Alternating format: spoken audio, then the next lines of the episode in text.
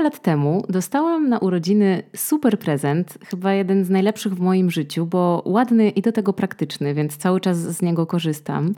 A jest to taka mała czarna tabliczka z białymi literkami, na której można sobie z tych literek ułożyć dowolny napis, na przykład jakiś inspirujący cytat albo Happy New Year. Ja w tym tygodniu, po długim namyśle, zdjęłam właśnie Happy New Year, bo jest jeszcze styczeń, i napisałam sobie Today I choose to be an optimist. Napisałam po angielsku nie dlatego, że nie wiem, jakoś wyjątkowo kocham ten język, ale dlatego, że po pierwsze po polsku raczej by się nie zmieściło. Dzisiaj postanawiam, że zostanę optymistką, bo to jest jednak dość mała ramka. A po drugie dlatego, że no niestety te literki nie mają polskich znaków. No i niech też biedny Julian, mój mąż, rozumie treści, które propagujemy w naszym domu, albo przynajmniej ja propaguję, bo on no, nie mówi po polsku za bardzo. Ale dlaczego ja sobie tak napisałam? Bo przez długi czas myślałam, że ludzie rodzą się albo optymistami, albo pesymistami, albo realistami. A tu okazuje się, że to jest jednak coś, co można sobie wybrać i wypracować. O, oczywiście nie bez wysiłku. A w moim przypadku, który zalicza się do tych ekstremalnych, rzekłabym nawet fatalnych, to już jest taki poziom wysiłku i, i dedykacji i zobowiązania, że jak widać, no, ma to nawet wpływ na wystrój wnętrza mojego mieszkania. Bo może nie urodziłam się pesymistką, chociaż patrząc na to, ile płakałam jako niemowlak i w ogóle w dzieciństwie, to w sumie można by dyskutować, ale jakoś na pesymistkę wyrosłam. Czasami wmawiam sobie i staram się też przekonać innych, że jestem realistką, czyli gromadzę dane i z tych danych wysuwam realistyczne wnioski. Ale prawda jest taka, że wszystkie moje wnioski jednak idą w stronę kataklizmów, porażek i generalnie końca świata, więc musiałam w końcu spojrzeć prawdzie w oczy. No i wyszło, że może jednak jestem pesymistką.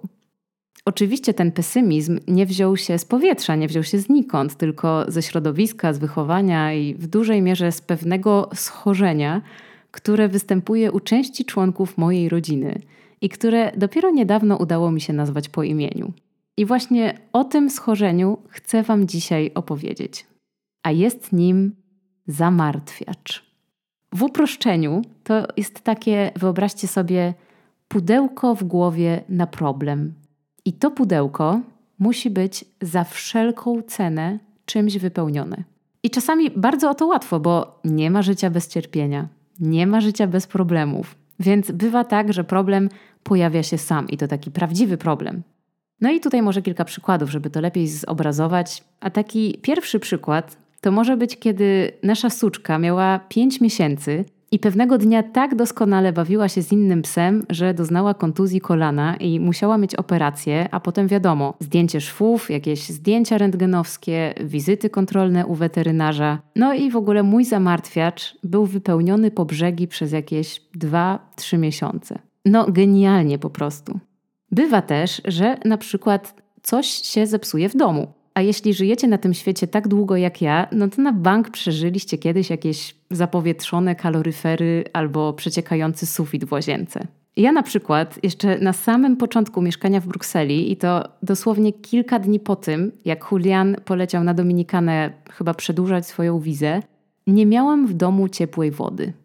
To był super, super problem na moje schorzenie, bo musicie wiedzieć, że w Belgii takich domowych usterek to nie naprawia się tak od ręki. Nie ma tak, że jeszcze tego samego dnia przyjdzie miły pan hydraulik ze spółdzielni i wszystko naprawi, a jak nie naprawi, to zadzwoni po kumpla i będzie dzwonił i dzwonił, aż znajdzie jakieś rozwiązanie, no bo przecież nie skaże młodej dziewczyny na kąpiele w lodowatej wodzie. Przynajmniej takie były moje doświadczenia z Polski. W Belgii na hydraulika trzeba czekać kilka dobrych dni, o ile nie więcej, a jak w końcu się zjawi, to i tak nie ma gwarancji. Mój pierwszy hydraulik w tamtej sytuacji przyszedł i słuchajcie, odkamienił mi kran w kuchni. Co wydało mi się bardzo kreatywnym pomysłem, lecz niestety brak kamienia nie przywrócił ciepłej wody w rurach. A drugi hydraulik, który przyszedł po tym pierwszym, powiedział, że owszem, znalazł źródło problemu, ale musi wymienić jakąś część w piecu i musi ją zamówić, a jak ją zamówi, no to ona pewnie przyjdzie za jakieś 10 dni. Na co ja zapytałam, gdzie mam się myć przez te 10 dni, a on na to, że mogę u niego. Oczywiście nie skorzystałam z tej kuszącej propozycji, a że nie miałam wtedy jeszcze takich bliskich znajomych w Brukseli, żeby brać u nich prysznic, to w sumie przez trzy tygodnie myłam się w zimnej wodzie i pamiętam, że motywowałam się wtedy tym, że chociaż może spowolni to u mnie proces starzenia się skóry. Pamiętam dokładnie tę motywację. Ale wracając do tematu.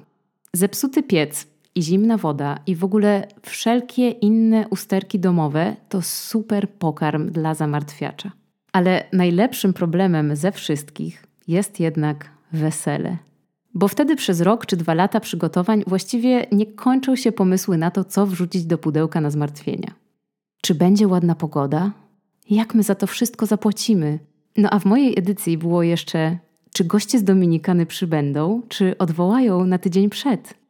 Z takich konkretnych, pożywnych dań dla zamartwiacza na pewno są też problemy związane z dziećmi i rodzicielstwem. Zakładam, że wtedy to w ogóle sky is the limit, ale ja nie mam dzieci, więc nie mogę tutaj mówić z autopsji i muszę pozostać przy innych przykładach, ale jeśli macie jakieś swoje własne, to podsyłajcie, oczywiście bardzo chętnie posłucham.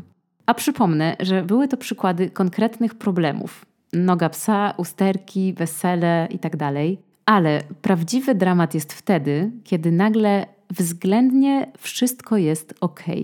Nie ma się czym martwić, bo podstawowe potrzeby są zaspokojone, wszystko działa, nikt na nic nie choruje. Wtedy włącza się turbokreatywność. A że ja należę do osób niezwykle kreatywnych, no to zawsze wpadnę na jakiś genialny powód do pomartwienia się, bo inaczej po prostu nie mogę. Inaczej mój pusty zamartwiacz doprasza się pożywienia, tak jakby mu burczało w brzuchu, no i, i cierpi z tego powodu jakieś katusze, a ja niestety razem z nim. Dlatego to się właśnie nazywa schorzenie, a nie bonus mentalny. A wymyślanie problemów to jest, moi drodzy, prawdziwa sztuka. To powinna być w ogóle według mnie kategoria w jakimś teleturnieju.